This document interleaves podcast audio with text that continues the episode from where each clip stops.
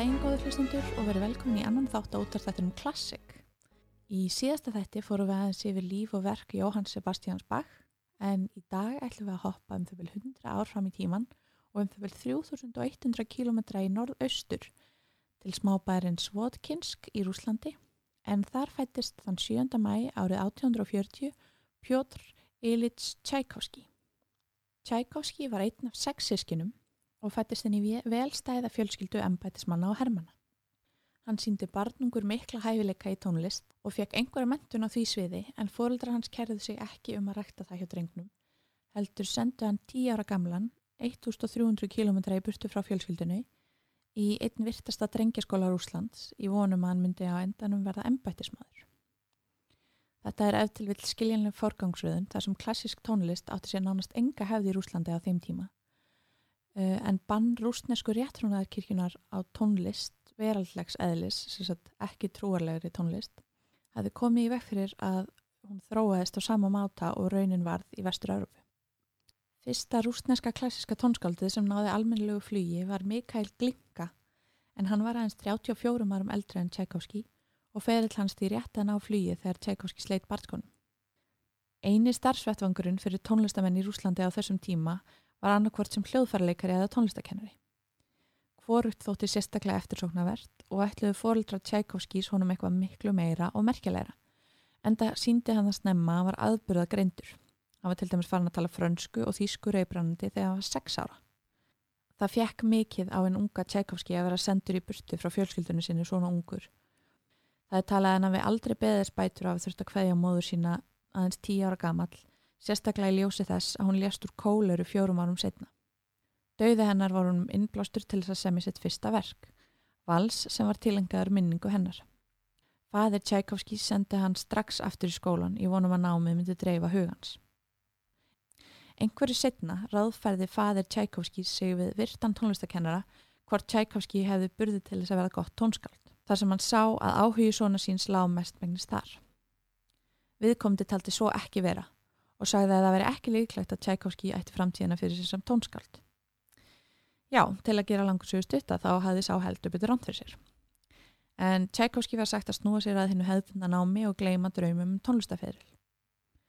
Þegar hann útskrifaðist við 19 ára aldur fekk hann vinnu í dómsmálaráðinni til Úslands. Það var ekki fyrir en Tchaikovsky var hann 22 ára að hann snýri loks baki við draum fóldra sinna um að hann er ennbættismadur og fór að einbytta sér að fullu að tónlistinni. Og ég er persónulega mjög þakklátt fyrir að hann hafi tekið það ákveð.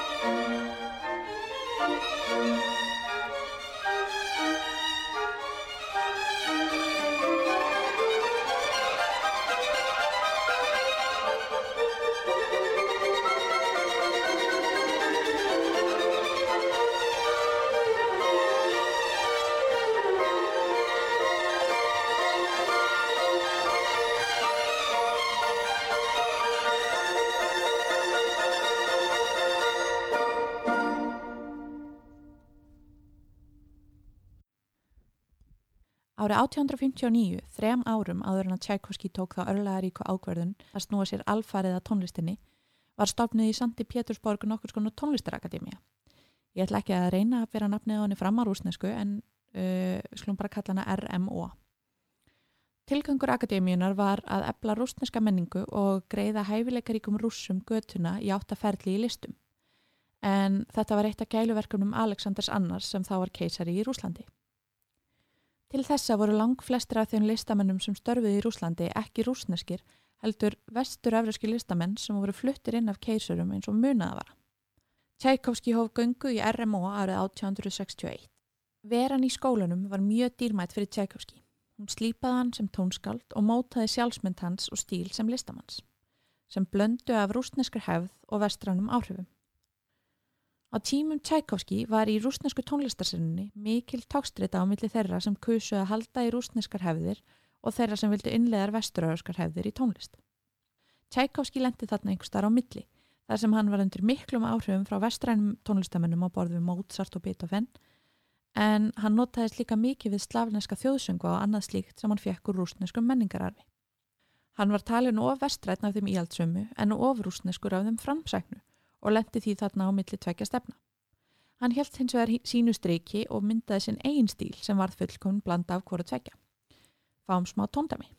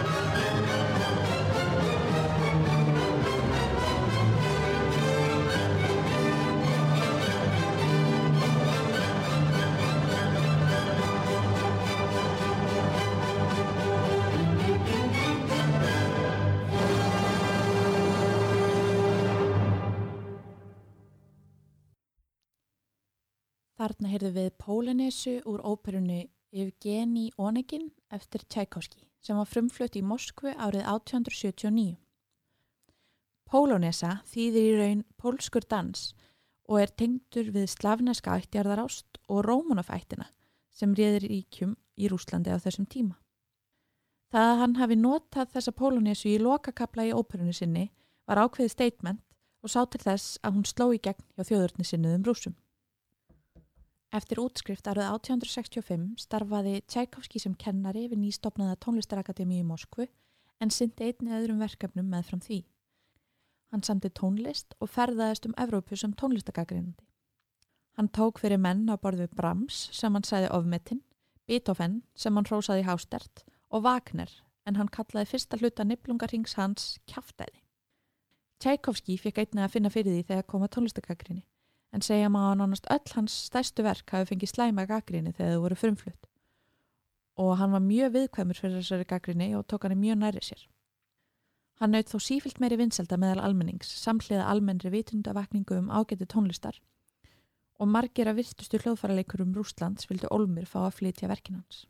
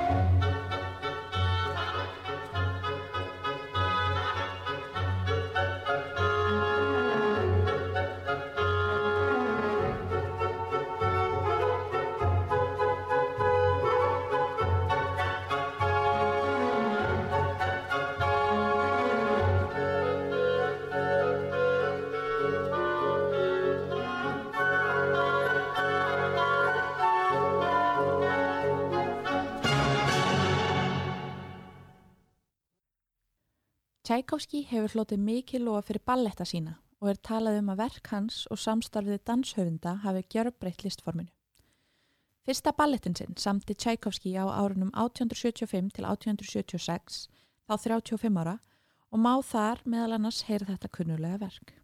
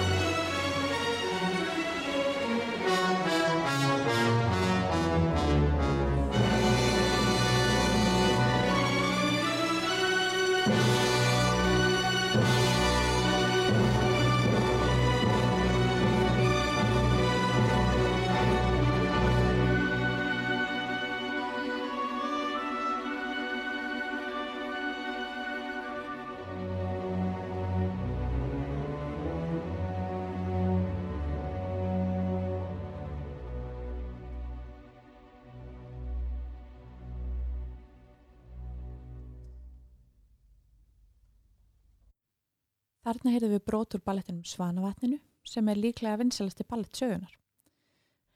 Ballettin er byggður á rústneskum og þýskum þjóðsögum og var eiginlega algjört flopp þegar það var frumsýndur í Moskvu árið 1877 og fekk mjög slæma dóma. Það var ekki fyrir en verkið var endurskrifað og endurfrumsýnt tveim árum eftir andlátt Tchaikovskis árið 1895 sem það sló alminnilega í gegn. Þau ykkar sem hafi séð The Black Swan með Natalie Portman ættu að kannast við þetta verk og skilja vægi þess innan ballettheimsins. Það eru líklega fá tónskald sem hafa fengið jafnmikla aðteglut á engalífi sitt og Tchaikovsky. Hann var alla tíð freka mikill einfari og eignast aldrei fjölskyldu. Mikið hefur verið spáð í kynneið Tchaikovskys og bendir allt til þess að hann hafi verið samkynniður. En það hefur þó ríkt töluverður rugglingur varðandi þetta þar sem að Sovjetríkin lögðu mikla áherslu á að útrýma þessum sögursögnum og reyndu eftir bestu getu að samfara um heiminn um að hann hefði verið gallharður heteroseksjál. Í lok 20. aldar var enn litið á samkynnið Tchaikovsky sem skammarlegt lindarmál innan tónlistasennunar í Rúslandi. Og það eimir enn eftir þessu í dag því að menningamálára þeirra Rúslands, Vladimir Medinsky, þvertekur fyrir að Tchaikovsky hafi verið samkynniður.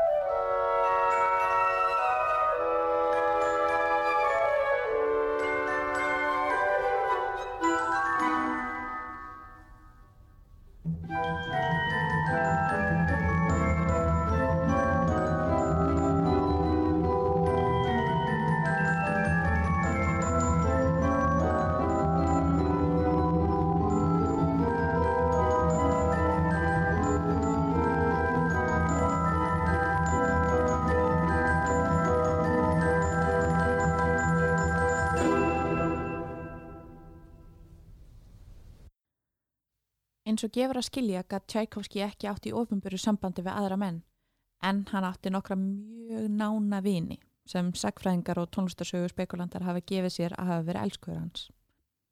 Auk þess helt Tchaikovsky dagbók og skrifaði mikið af opinskáum brefum þar sem hann talaði um tilfinningar sínar til þessara manna. Eitt þeirra var fylguleikarin Jósef Kotek sem var nefandi Tchaikovskys og 15 árum yngre en hann.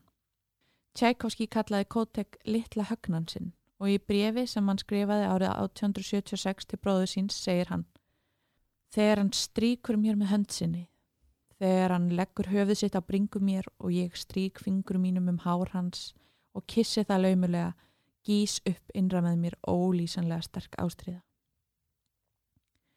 Tchaikovsky heldur áfram og lýsir því hvernig hann getur samt ekki hugsað sér að sænga, sænga með Kotek því að það myndi spilla fegur þins unga mann svo æsku að senga með gömlum kalli með bumbi eins og Tchaikovsky sjálfum. Það er þá talið nokkuð örugt að samband þeirra hafi þróast í kynferðslegt samband á endanum. Kotek vitti Tchaikovsky mikinn innblástur og hann sandi nokkur verk fyrir hann. Þeim félögum sinnaðist í kringum 1880 og hættu samskiptum en Tchaikovsky heimsótti Kotek þó árið 1884 þegar hann komst að því að hann var í veikur að berglum. Kotek dó stuttu setna aðeins 29 ára gammal.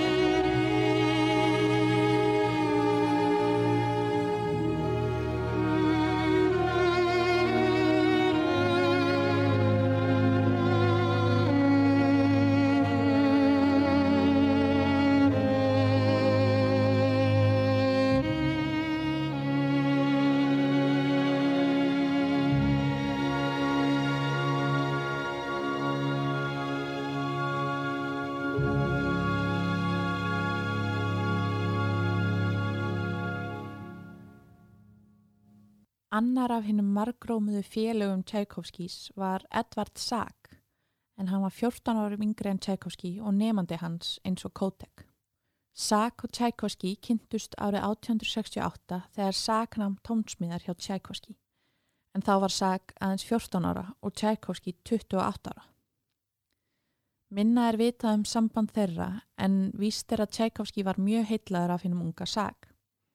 Sak var í vinnu hjá bróður Tchaikovskis en Tchaikovski sagði í brefi til bróður síns að hann hafði miklar áhyggjur af Sak og vildi gerðnan að hann kæma að heimsækja sig í Moskvu. Sak svifti sér lífi í november 1873 þá aðeins 19 ára gamal.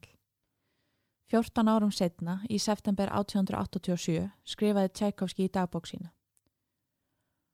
Áður en ég fór að sofa hugsaði ég mikið um Edvard, grét mikið. Getur verið að hann sé í raun og veru allur. Ég fæ mig ekki til að trúa því. Hver skýrt ég manna eftir honum? Hvernig röttin hans sljómaði, reyfingar hans og ekki síst indislega svipin á andliti hans. Mér verðist sem ég hefi aldrei elskað nokkur neins heitt og hann. Guðminn, sekt mín gagvart honum er hryllileg og á sama tíma elskaði ég hann.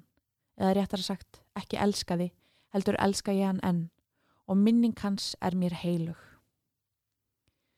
Þannig að já, það má segja að Tchaikovsky hafi verið ansi hugfangin af Sack en það verður að viðkennast að það er ekki gott lúk að verða ástfangin af barni sem er 14 árum yngra en maður sjálfur og tala nú ekki um þegar barnið endar svo með því að svifta sér lífi. Það er eiginlega alveg gerðsannlega hryllilegt og augljóst á að bakfið sjálfsmórðsag er einhver tragedía sem fáum sannilega aldrei að heyra af en hún hefur greinlega valdið Tchaikovski miklu hugarangri. En hverju sem því líður þá er afurð þessa sambands eitt frægasta ástarstef tónlistasögunar en hugfangin af hennum unga sag samti Tchaikovski hljómsveitarfantasíuna Rómeo og Júliu árið 1869 og má þar finna þetta stef.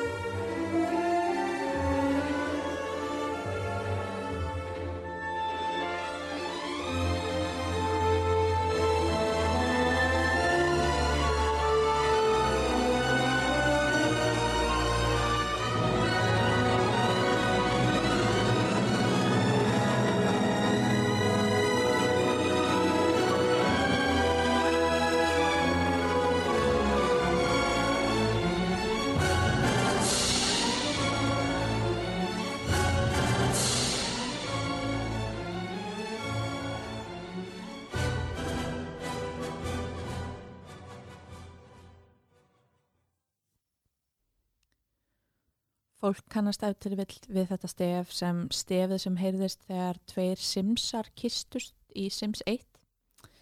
En já, náinn samskipti Tchaikovsky við unga menn urðu til þess að sögusagnir fóru að spretta upp þess efnis að hann var í samkynniður. Það þótti nú ekki ákjósanlegt og vildi Tchaikovsky ólmur reyna að kæfa þær niður. Hann ákvað því að stökka á tækifærið þegar ung kona að nafni Antonína Miljókova síndi honum áhuga bað hann að gifta sér og þau gengu í flíti í það heilaga. Þeir einu sem voru viðstattir aðtöfnina voru Anatóli, bróður Tchaikovskís og áðurnamtur Kotek sem talið er að hafa verið í virku ástarsambandi með Tchaikovski þegar brúðköpið fór fram. Þetta hjónaband endist þó ekki lengi. Setna saði Tchaikovski frá því að um leið og hann var einn með Antonínu áttaði hann sig á því að hann hataði hann óta lífinu og í brefasamskiptum við vini og ættingja kallaði hann aldrei sínu réttanapni heldur nefndi hana skriðdýrið. Þau voru skilin innan þryggja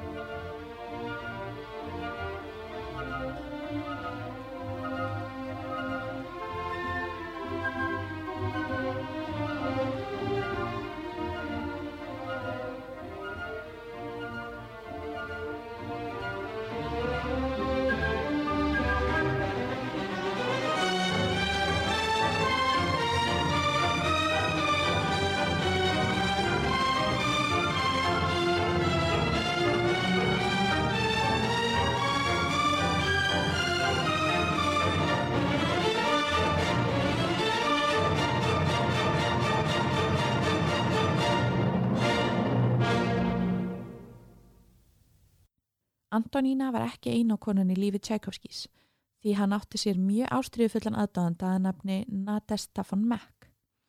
Svo var sjúk í tónlistan hans Tchaikovski og sendi honum aðdáðandabrjöf í von um að fá mynda honum. Tchaikovski svaraði henni og samskipti þeirra átti eftir að þróast í mjög náið vinasamband. Nadesta var vel múruð og stutti Tchaikovski fjárhagslega í 13 ár frá 1877 til 1890 sem var til þess að hann gæti einbit sér að tónsmýðum í stað þess að þurfa að kenna til að framfleta sér. Á þessum tíma skrifuðu þau 1200 bref sín á milli en hittust þó aldrei. Eitt skemmtilegasta, frægasta og margslungnasta verk Tchaikovskis er án efa 1812 forleikurinn. Það er í rauninni eins og 16 minna smásaga sem segir söga af því hvernig undirmannaður og berskjaldadur herr rúsa náði að verjast innrás hinn svo kallaði Grand Armée hers Napoleons árið 1812. Forleikurinn hefst á ljúfum og fallegum kórsöng sem er inspireraður af rúsneskum þjóðsöngum og taknar sakleysi og ró hinnar friðsömu rúsnesku sveitar.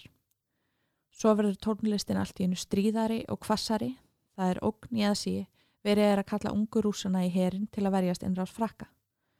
Þá hveður við hefð kunnulega lúðrastef sem innkennir forleikin og allir eftir kannast við, sem táknar þrautsegu, fullnaðarsegur og föðurlands ást.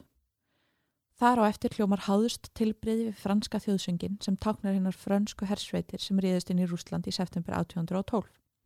Þá átti sér stað orustanum Borodino, þar sem frakkar báru sigur úr bítum en um 100.000 manns lági í valnum og hersveitir Napoleons voru alvarlega viklaðar. Auk þess voru frakkar algjörlega óundirbúnir fyrir henn rúsneska vetur og þetta var til þess að franski herin, orðin einn tíundi af því sem hann hafði verið við innrásin í Rúsland, hrökklaðist tilbaka án þess að ná að herrtaka Rúsland. Forleikurinn er hábúndi með dramatískum kórsöng og kirkjuklukkum og svo hennu markfræga lúðrastefi og má ímynda sér fögnuð og létti rúsa að hafa sigrast á frökkum með hjálp kalds vetur smóðurlandsins. Til þess að flytja verkið þarf blandaðan kór, sinfoníuhljómsveit með öfluga lúðrasveit, kirkjuklukkur og 16 fallbusur sem skotið er úr hver á fætur annar í lokverksins. Við skulum hlýða á verkið frá aðtilu.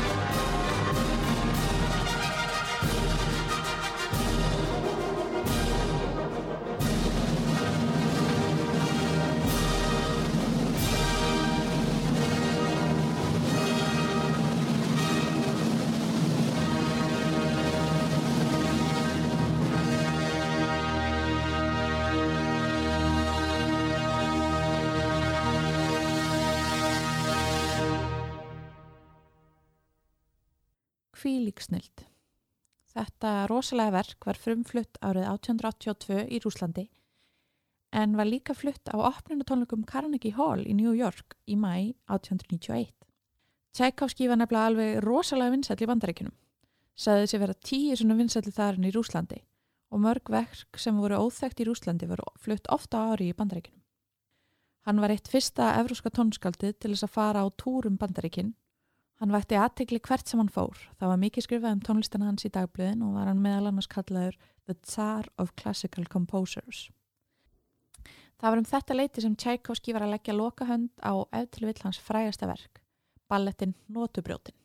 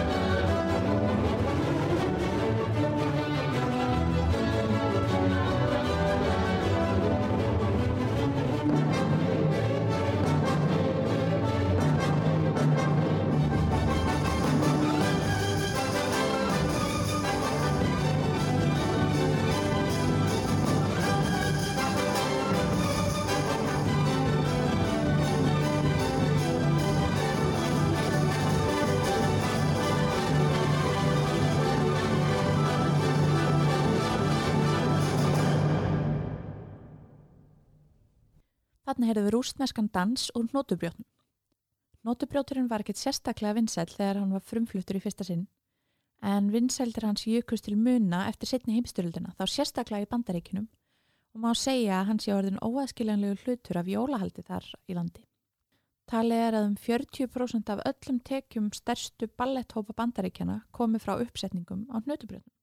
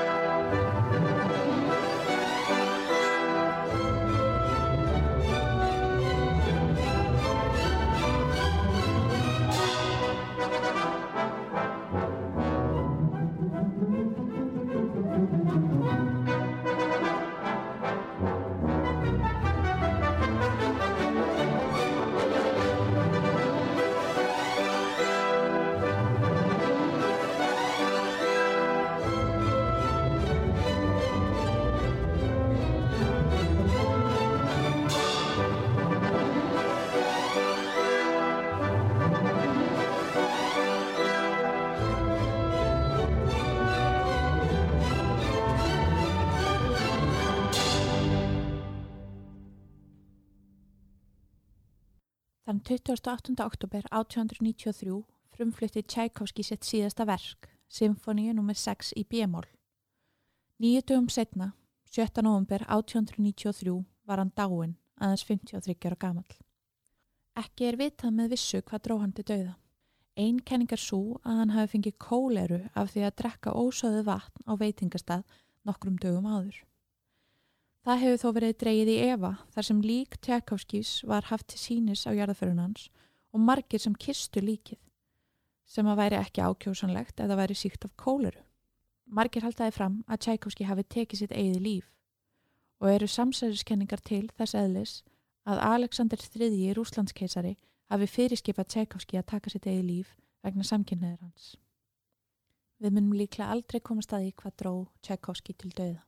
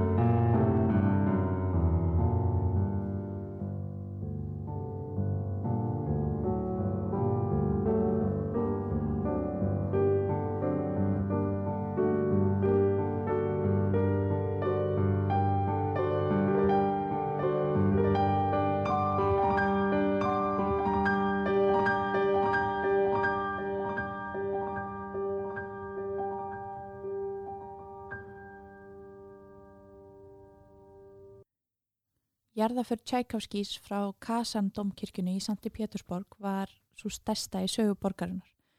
6.000 manns komast fyrir inn í kirkjunni en 60.000 manns sóttu um að fá að vera viðstattir.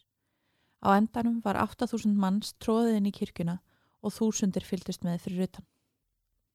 Tchaikovski var laðið til hinstu kvílu í Tiggvin kirkjugarðinum í miðri Santi Pétursborg, nálagt kollegum sínum tónskaldunum Borodín, Mikael Glinka Rimski-Korsakov og fleiri.